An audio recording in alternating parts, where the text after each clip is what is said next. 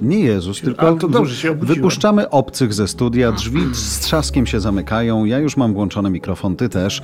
I chciałem cię zapytać, czy wiesz co to Czyli jest? już nagrywamy? Dzień dobry. Tak.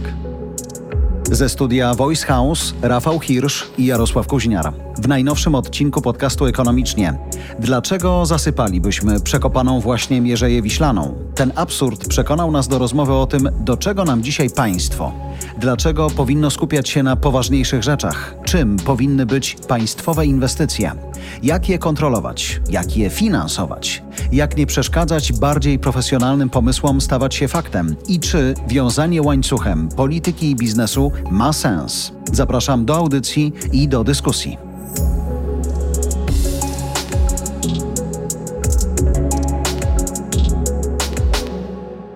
Dzień dobry. Dzień dobry. Piaszczysty wał na południowo-wschodnim brzegu Zatoki Gdańskiej, rozciągający się od Gdańska na zachodzie po Lochstedt nad Piławą w Federacji Rosyjskiej. Tfu, na północnym wschodzie. Czy wiesz co to? Nie wiedziałem, że można to nazwać per wał. No, widzisz? Wiem, to jest Mierzeja. Myśmy go przerwali i okazuje się, że są tacy, którzy mówią duży sukces, odzyskaliśmy wolność, niepodległość, możemy handlować, a ty dzisiaj przychodzisz i mówisz na stół rzucając hasło nie ma sensu. Udowodnij. Tak, właśnie tak, bo też widziałem, bo przeleciało przez media to, że zakończono w końcu tą inwestycję i rzeczywiście oddano do użytku i Tak. To jest drugi Suezki kanał. tak, no, skąd dokąd? Kanalik. I przypomniało mi się, no bo kiedyś było o tym temacie głośno, jak ta Bardzo. inwestycja ruszała, a potem jakoś tak ucichło, bo wszyscy mieli inne rzeczy na głowie. I tak sobie pomyślałem, że to jest chyba ostatni moment, w którym można przypomnieć o tym, jak bardzo idiotyczna jest to inwestycja, nikomu do niczego niepotrzebna. I jaki to jest wspaniały przykład tego, w jaki sposób państwo nie powinno inwestować. Jak to to? jest kompletnie absurdalna rzecz, ten przepływ. On jest po nic dla nikogo. Jak to? On został stworzony tylko dlatego, że się przyśnił Jarosławowi Kaczyńskiemu i on powiedział, że to będzie taki symbol naszej siły sprawczej w gospodarce i przekopiemy. Znaczy równie dobrze mógł przekopać cokolwiek innego albo zbudować jakąś wieżę. Wieża nawet byłaby fajna, można by było na nią wchodzić, kupować bilety i byłby jakiś widok z tej wieży, nie? Wtedy. Jeśli chodzi o argumenty przytaczane przez realizatorów za tym przekopem, to tam mam wrażenie, że zawsze dominowały takie argumenty natury gospodarczej, prawda? Że Uniezależnimy jest, się. jest port w Elblągu i ożywimy ten port. Tak. W tym Elblągu. Dokładnie. Ponieważ zacznie się ruch w tym porcie. Tylko, że to jest nieprawda, ponieważ ten tor wodny ma 5 metrów głębokości i mogą nim pływać statki o zanurzeniu do 4 metrów. Po co ty wchodzisz tak głęboko, za przeproszeniem, w te sprawy? Zobacz, to Bo brzmi to oznacza, dobrze. że tam żaden statek nie wpłynie, ponieważ Aż po jesteś- Bałtyku, jeśli chodzi o statki handlowe, takie wiesz, gospodarcze, nie? jak ktoś sobie wyobraża, że teraz w Elblągu powstanie terminal kontenerowy albo coś takiego, no to tego typu statki są większe i mają większe zanurzenie. Ale zobacz, Rafał, Cztery metry to są jakieś tam, wiesz, barki i... no ale barką zboże można wywieźć będzie być ale może. właśnie no? też nie. Szukam pozytywu, no. Po pierwsze, nikt tam nie wpłynie, bo to jest za płytkie. I to właściwie kończy temat, ale na, jeśli się ktoś upiera, że nie, że nie kończy, to można lecieć dalej, ponieważ jeśli by się okazało, że jednak da radę tam wpłynąć i można tam jakoś handlować i są różne firmy w Elblągu i w tym regionie, w okolicach, które chciałyby spławić coś drogą morską stamtąd, to oni wsiadają w samochód, jadą do Gdańska albo do Gdyni, do Trójmiasta i tam mają dwa ogromne porty, w których jest wszystko, co potrzeba, jest wszystko gotowe i podróż z Elbląga do Gdańska zajmuje 45 minut, coś W ten tym sposób stylu? nie będzie żadnego rozwoju. A dlaczego Elblążanie mógłby, mając był, bo słyszałem też, słysza, słyszałem też taki argument i on mnie już na serio rozbawił kiedyś, że to będzie można teraz robić tak, że ci z Elbląga zamiast wozić to ciężarówkami, No. kopcić to ekologicznie, Tak. to akurat prawda, do Gdańska, to po prostu będą mogli ten swój towar wsadzić na statek w Elblągu i ten statek najpierw Elektryczny popłynie... oczywiście, bo on nie będzie kopcił, prawda, ten statek? Tak, y, mogą na żaglówkę, nie? Więc No nie wiem, czy w wtedy- kanale możesz na żaglówce swoją drogą, bo jeśli ona jest płytka i nie za szeroka, to nie wiem, czy na żaglu Nie, możesz właśnie przechodzić. akurat żaglówki, znaczy Ale możesz na żaglu iść przez kanał? Raczej chyba nie, cholera, no, bo to niebezpieczne. ten nasz Kanał... Mierzejowy, tak, ten przekopiony, przekop, przekopowany, no. kanał Sue, e, su, Sususki. Nie, ja słyszałem, że tam podobno, że tam właśnie ruch turystyczny będzie i z tego ruchu turystycznego teoretycznie, potencjalnie, faktycznie mógłby być jakiś plus, tylko że, ale to zaraz do tego dojdę. Mhm. W każdym razie słyszałem taki pomysł, że można by ten towar ładować na statek w Elblągu, czy tam we Fromborku, który też jest nad zalewem, no generalnie stamtąd. I najpierw to transportujesz do portu w Trójmiasta i tam to przeładowujesz i to potem leci już w świat. Tylko, że to też nie ma żadnego sensu, bo prościej jest to drogą zawieźć do portu, bo żeby to... Załadować raz. Bo to wiesz, bo to no musisz tak. zacumować w tym porcie, znaleźć jakiś wolny slot, tak. wolne nabrzeże, musisz to zabukować wcześniej. Ale zobacz, ile głowy. ludzi ma dzięki temu robotę. Rafał. Dzięki tak? czemu? No właśnie temu, że musisz załadować, żeby za pół godziny rozładować. Znowu ale oni załadować. i tak mają roboty w tym Gdańsku czy w Gdyni. No ale bardzo... w Elblągu może nie mają. I co? A teraz mają. Co więcej, z tego co czytałem, charakterystyka, że tak powiem, biologiczna Zalewu Wiślanego jest taka, że on jest strasznie zamulony to będziemy go pogłębiać. Będą ludzie, No właśnie, ciągle go trzeba będzie pogłębiać. Ciągle będzie ten, ten muł tam po prostu, co oznacza, że on będzie generował ciągle koszty dodatkowe. Albo zajęcie. Zobacz, jak cieszę się, że my się uzupełniamy. Ty mówisz koszty, ja mówię inwestycja w ludzi, którzy mają zajęcie. Odmulają Rzeczywiście kanał. w Elblągu kiedyś było 40% bezrobocia, ale to było jakieś 20 lat temu. Ale jak mówimy, bez sensu. I teraz... Nie, ale tak zupełnie serio, jeśli chodzi o rynek pracy. Słyszałem takie argumenty, chyba wszyscy słyszeli, jak bardzo te lokalne społeczności protestowały tam przeciwko temu pomysłowi, obawiając się o to, że im to rozwali turystykę.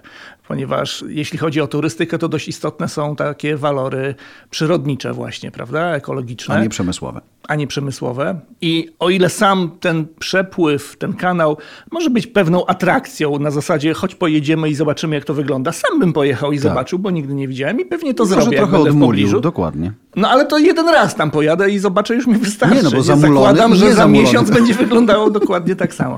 Natomiast z tego, co wypowiadały się różnego rodzaju tam organizacje związane z przyrodą i ekologią, no to istnieje dość duże ryzyko, że to tam zaburzy ten ekosystem. Tam są jakieś siedliska ptaków, które możliwe, że już tam nie będą. A przede wszystkim jeśli chodzi o ryby w tym zalewie, to też może być z tym problem. A to też jest atrakcja turystyczna. Wiele ludzi sobie wyjeżdża na wakacje nad morze i chętnie sobie gdzieś tam z wędeczką pójdzie coś złowić, albo wręcz być może nawet sobie wykupi jakiś rejs jakąś małą łódką, żeby sobie połowić na środku Ale teraz zalewu. byliby tylko na Zalewie Wiślanym, a tak mogą być nawet w Zatoce Gdańskiej. Nie? Mogą przepłynąć, a tak nie mogli. Zostawiając to, bo rozumiem Twoje argumenty, to w co dzisiaj państwo, które ma potrzebę, nie zawsze ma pomysł, ale ma potrzebę, powinno inwestować w takich czasach jak teraz, żeby rozwijać się, rosnąć, nie wiem, drogi, mosty, kolej, co jeszcze? To jest duży temat, w ogóle można by pewnie o tym długo rozmawiać, tak? co państwo powinno robić. Mi się wydaje, że funkcją państwa bardzo ważną, zwłaszcza w gospodarce, ale nie tylko w gospodarce, jest to, żeby redukować ludziom ryzyko jakiekolwiek, wszelkie ryzyko, tak? Czyli jeśli jest coś ryzykownego, mhm. coś, co wiąże się z jakimś problemem, to staramy się rozwiązywać ten problem, żeby zmniejszyć to ryzyko, tak? I to się przejawia w bardzo wielu różnych rzeczach. Na przykład wprowadzane są przepisy, że musisz jechać z zapiętymi pasami bezpieczeństwa w samochodzie, czym redukujesz ryzyko tego, że jak walniesz w drzewo, to się mhm. zabijesz, mhm. tak? Albo tam, no generalnie prawo drogowe jest świetnym przykładem na to, w jaki sposób państwo reguluje ci rzeczywistość po to, żeby było bezpieczniej i dla ciebie, i dla kogoś, kto przechodzi przez ulicę i tak dalej. Tak? Bezpieczeństwo jest taką wartością, z którą jakby trudno dyskutować i ją podważać. Tak? To jest jakby, mam wrażenie, oczywiste, że w tą stronę to powinno iść. Drugim celem działalności państwa powinno być to, żeby to wszystko, co my robimy w ramach tej gospodarki, tego wielkiego organizmu gospodarczego, żeby to wszystko mogło być bardziej efektywne, że przy tym samym nakładzie pracy efekty końcowe były lepsze dla nas. Mhm. Wtedy jest korzystniej i szybciej się bogacimy, prawda? I w tym kontekście właśnie warto budować autostrady, które powodują, że redukujesz sobie koszty transportu, bo sobie szybciej przejedziesz z miejsca A do miejsca B, tak? Że właśnie inwestujesz w porty, tego typu różnego rodzaju infrastrukturę, cyfryzację, Teraz mamy mieć bardzo szeroko zakrojone inwestycje w energię odnawialną, której efektem powinno być to, że będziemy mieć tańszy prąd na końcu. Mhm. Nie tylko jest cel ekologiczny, żeby ocalić no tak. planetę, ale też po prostu energia z wiatraka będzie tańsza niż energia z węgla czy z gazu. I mniej ryzykowna politycznie też. Tak przy okazji. Przy okazji. Kolejne redukowanie ryzyka, no tak, tak. tym razem politycznego. I państwo powinno wcelować w takie rzeczy, które będą spełniać takie właśnie cele. Nawet druga ta wielka inwestycja, która też często bywa wyśmiewana w Polsce, pisowska, czyli budowanie tego portu CPK, tak? Mhm. czyli tego wielkiego nowego lotniska między Warszawą i Łodzią. W Baranowie, się... powiedzmy tak. sobie wprost. Znaczy, to się akurat da obronić, moim zdaniem. Akurat ja nigdy tego pomysłu nie krytykowałem, bo rzeczywiście lotnisko Chopina, czyli Okęcie w Warszawie, ono jest jakby w środku miasta i ono się już nie będzie mogło za chwilę, sensie, za tak. chwilę dojdzie do, do ściany, tak? I, a ruch powinien rosnąć dalej i trzeba zbudować coś poza miastem. I to jest oczywiście kwestia dyskusji, czy Baranów, czy to jest dobre miejsce, czy to nie jest za daleko, czy nie warto byłoby rozbudować Modlina, który już jest z mm. drugiej strony, nie? To są tam inne kwestie, bardziej szczegóły. Natomiast ja, sama koncepcja, sensu, żeby tak. zbudować coś takiego dużego, komunikacyjnego, broni się, bo faktycznie rozwiązuje jakiś tam, znaczy będzie mogło rozwiązywać szereg problemów, jeśli zostanie dobrze zrobione. Dotykasz jednej ważnej rzeczy. Ostatnio rozmawiałem z moją klientką akurat w podróżniczym biznesie, która mówi, a pracuje od lat w przemyśle, no tak, to jest przemysł, czyli logistyce, szeroko pojętej. I mówi, to ma sens. My logistycy uważamy, że to ma sens, tylko nikt w Holandii, nikt w Niemczech, nikt w innym konkurencyjnym regionie nie powie ci, zbudujmy w Polsce hub transportowy, bo dla nich to będzie konkurencja. Więc wszyscy będą mówili, nie ma sensu. Więc fajnie, że jest pomysł, ale i tutaj dochodzimy też do bardzo ważnej rzeczy a propos tego, co powiedziałaś. Państwo jest po to, żeby rozwiązywać problemy i udrażniać pewne rzeczy albo dawać szansę perspektywom rozwoju.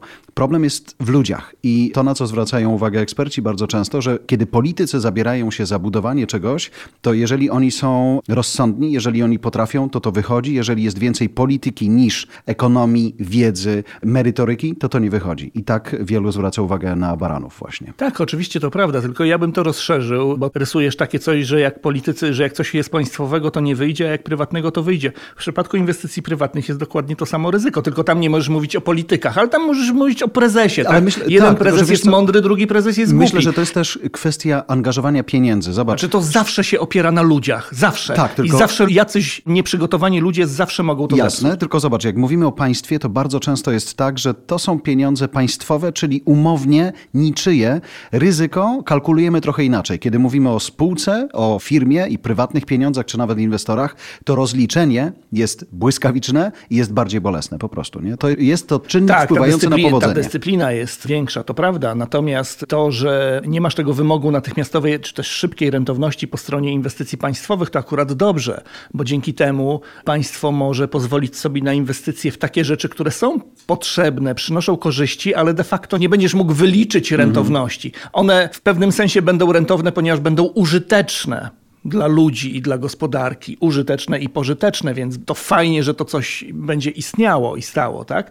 Natomiast de facto nie będzie generować jakiegoś policzalnego strumienia Jasne, zysków, prawda, w, mhm. w, pieniądzu, więc od tej strony trudno będzie. A inwestorzy prywatni w takie coś pewnie by nie wchodzili, no bo dla Jasne. nich ten strumień jednak jest kluczowy, prawda? Więc tutaj jest rola dla biznesu prywatnego i dla inwestycji prywatnych i jest też rola dla inwestycji publicznych finansowanych przez rząd. Natomiast moim zdaniem w przypadku tego przekopu. To jest taki przykład, który wspaniale pokazuje właśnie w jaki sposób ten rząd realizuje te swoje inwestycje, bo on na przykład, to jest najczęściej w przypadku tego rządu tak, że powstaje jakiś pomysł, najczęściej w głowie Jarosława Kaczyńskiego, trudno powiedzieć skąd on się bierze w tej głowie, no ale się bierze i on ogłasza ten pomysł i on ma być realizowany. Po czym wszystkie opinie zewnętrzne, głosy doradcze, głosy sprzeciwu ewentualne, tak, i tak dalej mhm. są ignorowane, ponieważ jak już wódz wydał rozkaz, to już nie możemy się cofać, tak? Czyli te inwestycje są realizowane bez współpracy z lokalnymi samorządami, tak? A jeśli rząd ma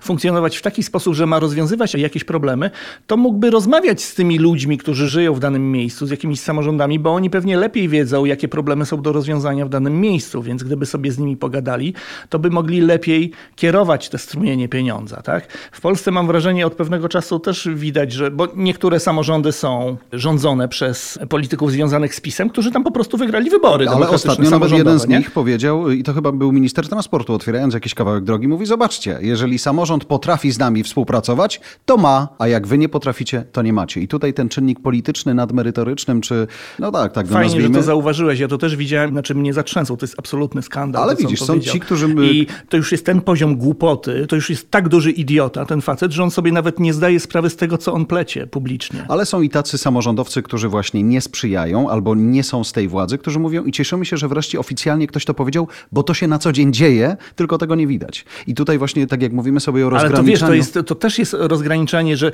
to, czy to, że tak się dzieje, no to bardzo niedobrze. Natomiast to, że ktoś o tym mówi publicznie, no to jeszcze dwa razy Cała gorzej. prawda, całą dobę. No. Znaczy po co w ogóle? Ja nie, nie rozumiem tego kompletnie. Ale to jest to zagrożenie. Widzisz, tam gdzie wchodzi w grę polityka, bardzo często Znaczy przygotowanie nie, przepraszam, jakościowe moim zdaniem to, że rząd, moim zdaniem, jeśli jest samorząd obsadzony w wyborach demokratycznych politykami PiSu i rząd PiSu z tym samorządem dobrze współpracuje, bo z nim rozmawia, to dobrze. Fa- znaczy nie mam nic przeciwko temu, jeśli najczęściej tak jak popatrzymy na mapę polityczną Polski, to tak jest, że większość tych samorządów jest tam po wschodniej stronie bardziej, nie? I tam naprawdę brakuje bardzo dużo rzeczy. To są najczęściej takie gminy, gdzie nie ma chodników przy ulicach. Prawda. I powinni te pieniądze oni dostawać. I często się zarzuca, że do tych gmin idzie więcej pieniędzy, bo one są z PiSu. Mam wrażenie, że do tych gmin idzie więcej pieniędzy, bo tam jest więcej do zrobienia po prostu, bo są biedniejsze. No. Ile jeszcze rzeczy możesz zrobić w y, jakiejś bogatej gminie podwarszawskiej? Ile nie, ale też jakie, nie? Bo gmina podwarszawska może potrzebować zupełnie Znaczy, czegoś oczywiście, innego. każda Miasto gmina zawsze sobie coś innego. Mhm. jeszcze wymyśli. No, nigdy nie ma tej sytuacji, że Rada Miasta się zbierze i powie: Słuchajcie, zrobiliśmy wszystko w mieście. Już Jasne. w ogóle nie wiemy, co I tu nie jeszcze wybierajcie zrobić. nas. Tak. Więc oczywiście zawsze jakieś kolejne projekty można pisać. Natomiast w tych mniej zamożnych gminach te potrzeby są Jasne. jakby bardziej widoczne i oczywiste, więc ja nie mam pretensji, że oni dobrze ze sobą współpracują. Natomiast ten poziom współpracy powinien być ze wszystkimi samorządami, a nie tylko z niektórymi i powinien być zasadą, tak? A jeśli rząd realizuje takie duże inwestycje właśnie typu ten przekop, czy to CPK, czy za chwilę budowa elektrowni jądrowej na przykład, też trzymam kciuki, żeby ona powstała, bo jest potrzebna, ale obawiam się, że model prowadzenia tej inwestycji będzie stwarzał dodatkowe, zupełnie niepotrzebnie, będzie stwarzał dodatkowe problemy, z którym potem ten rząd będzie się musiał użerać miesiącami i będzie bohatersko rozwiązywał kłopoty, które sam sobie stworzył na samym początku, przez to, że nie umie współpracować z innymi partnerami. Tak? Ale wracając też do tej fajnej, wydaje mi się, odpowiedzi na pytanie, co powinno robić państwo w każdych czasach, żeby odtorowywać, albo torować, przepraszam bardzo, drogę inwestycjom na przykład, to jest też ten moment, w którym państwo ma o wiele więcej możliwości niż ktokolwiek inny, żeby na przykład tworzyć dobre prawo, które Tak. ułatwia inwestycje. Na To tym się jest też właściwie najważniejsza skupiać. rzecz. Być może nawet nie angażować swoich znajomych ludzi do tego, żeby coś przekopywali, tylko właśnie przygotować takie podłoże prawne, żeby inwestycje prywatne albo jakiekolwiek inne były łatwiejsze, sprawniejsze, lepiej zabezpieczone. Tak, tak. To jest absolutnie najważniejsza rzecz, oczywiście.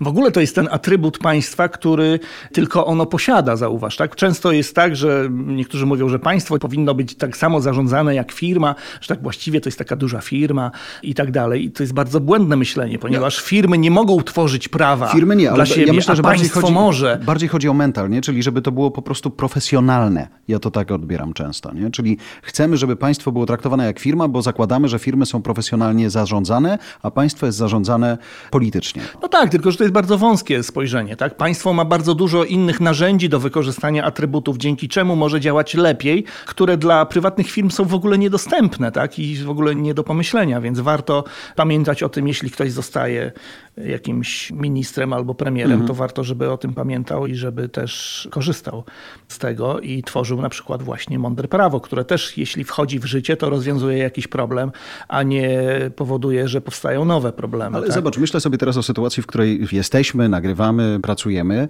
Mamy sytuację wojenną, jesteśmy świeżo po pandemicznej, no i mamy sytuację ekonomiczną, taką, a nie inną. I znów dla państwa nagle rodzi się bardzo dużo możliwości rozwiązywania naprawdę realnych problemów. To już nie jest ta umowna ciepła woda w kranie, czyli jest dobrze, to nie psujmy. Tylko jednak musimy zadbać o to, żeby właśnie było ciepło w domach, był prąd tańszy, paliwo było tańsze. To są takie fundamentalne rzeczy, o które firmy prywatne już powalczyć nie mogą. Czasem nie mogą same z siebie w ogóle, a czasem nie mogą nawet we współpracy z państwem. Państwo samo musi to zawalczyć, nawet nie z prywatnymi firmami w Polsce, ale na arenie międzynarodowej, na arenie globalnej. Po prostu. To jest w sumie fajny moment, bo to jest taki moment, sprawdzam, czy jesteś przy dobrym stoliku, czy masz dobre kontakty, masz dobre relacje, czy jesteś ze wszystkimi pokłócony i nic sam nie zrobisz. Nie? Tak, tak, to prawda. No, fajnie by było, żeby państwo w każdej warunkach zdawało egzamin i nawet w takich warunkach też zdawało. Natomiast ja ja tutaj nie miałbym jakichś wielkich oczekiwań, ponieważ no tak, znaczy nie możesz oczekiwać od polityków, którzy żyją w czasach, w których nigdy nie było żadnej poważnej wojny w okolicach i nie wiem, w czasach, kiedy żyli ich rodzice czy też dziadkowie, była wojna ostatni raz, tak? Że teraz nagle, jeśli wybucha jakaś wojna, to oni są od każdej strony do tej sytuacji przygotowani. No na pewno nie są przygotowani, na pewno muszą improwizować w tej sytuacji. Podejrzewam, że cała Europa musi. I mam wrażenie, że my nie wyglądamy aż jakoś tak strasznie najgorzej na tle Europy, chociaż oczywiście tutaj też jest dużo różnych błędów, ale mam wrażenie, że te błędy właśnie wynikają z tego, że to jest po prostu improwizowanie, takie gadanie, chwalenie się wręcz. Było kilka miesięcy temu, tak, w marcu, chwalenie się tym, że w Polsce nie powstał e, żaden państwowy ośrodek dla uchodźców z Ukrainy, ponieważ wszystkich Ukraińców ulokowaliśmy u prywatnych ludzi w domach. Znaczy ja wiem, że tak było, no Tak. okej, no i ludzie się sami zgłaszali na ochotnika i dobrze, natomiast jak wyskakuje jakiś polityk przed szereg i zaczyna się tym chełpić, no to on ewidentnie nie przemyślał sobie tej sprawy, ponieważ nie powinien chełpić się tym, że on de facto w tym momencie przyznaje, że państwo nic nie zrobiło. Tak. Znaczy od tamtego czasu minęło parę miesięcy i teraz ta sytuacja już wygląda inaczej, już jakieś tam ośrodki są oczywiście, to się zmieniło, ale nawet to, że to państwo w końcu zaczęło to robić, też jakby pokazuje jak głupia była tam ta wypowiedź pierwsza, tak? która nie powinna się w ogóle zdarzyć. Więc no tak, generalnie to zagadnienie, po co jest państwo i w jaki sposób ono powinno funkcjonować, jest moim zdaniem bardzo ciekawe i takie bardzo długie. Natomiast jak okazuje się, że państwo zaczyna angażować się w takie rzeczy jak przekop Mierzei, no to wiesz, on kosztował tam, nie wiem, ponad 2 miliardy złotych, tak? I można się tutaj zrzymać, że tyle pieniędzy poszło, nie wiadomo po co. Mi się wydaje, że 2 miliardy złotych to nie jest koniec świata. I tutaj nawet nie chodzi o pieniądze zmarnowane. Bardziej moim zdaniem chodzi o to, że marnuje się czas, marnuje się te zasoby, które się ma, bo akurat pieniądz jest takim zasobem, który jest nieograniczony, w sensie możesz go dodrukować, prawda? Natomiast masz ograniczoną liczbę koparek, dźwigów, a przede wszystkim masz ograniczoną liczbę pracowników, ludzi na rynku, tak? I ci ludzie mogliby budować coś innego w tym czasie. I to jest marnowanie energii tych ludzi, marnowanie energii innych ludzi, którzy mogliby zaprojektować coś innego, wymyśleć, tak? Ale nikt ich nie słucha, bo rząd wie lepiej przecież. I marnowanie czasu nas wszystkich, tak? No bo czas płynie i przez ten czas można by było robić różne inne fajne rzeczy, a tymczasem rząd z mozołem tam kopał na mierzei, no i w końcu wykopał. No i super. Szanowni słuchacze, a może słuchacie tego podcastu, to by było marzenie. Zobacz, ktoś idzie z nami w uszach wzdłuż Mierzei. Myślicie, panowie, wiecie jak to zajebiście wygląda? Co wy wiecie o przekopanej Mierzei Wiślanej? Więc jeżeli tak jest, to dajcie znak sygnał. A jeżeli macie jakiś fajny pomysł na to, czym państwo w sytuacji, w której jesteśmy dzisiaj, trochę wojenno, po pandemicznej, powinno się zajmować waszym zdaniem, z perspektywy ekonomicznej czy podcastu ekonomicznie, dajcie też znak sygnał. Wykorzystamy. Bardzo dziękujemy i do usłyszenia. Dziękujemy za Twoją uwagę. Ale zanim się rozłączysz albo posłuchasz kolejnego odcinka, mam prośbę. Spotify pozwala teraz na ocenę podcastów. Jedna, dwie, trzy, cztery albo pięć gwiazdek. Bądźcie z nami szczerzy. Dziękuję. Jeżeli jeszcze nie subskrybujesz naszej audycji, zrób to na Apple Podcast czy Spotify. Nie przegapisz najnowszego odcinka i pomożesz nam się wspinać na listach podcastowych przebojów. Zasubskrybuj także inne podcasty od Voice House. Znajdziesz je na każdej platformie podcastowej, w każdym kanale social mediowym. Zapraszam też na stronę Voice House po więcej dobrej treści.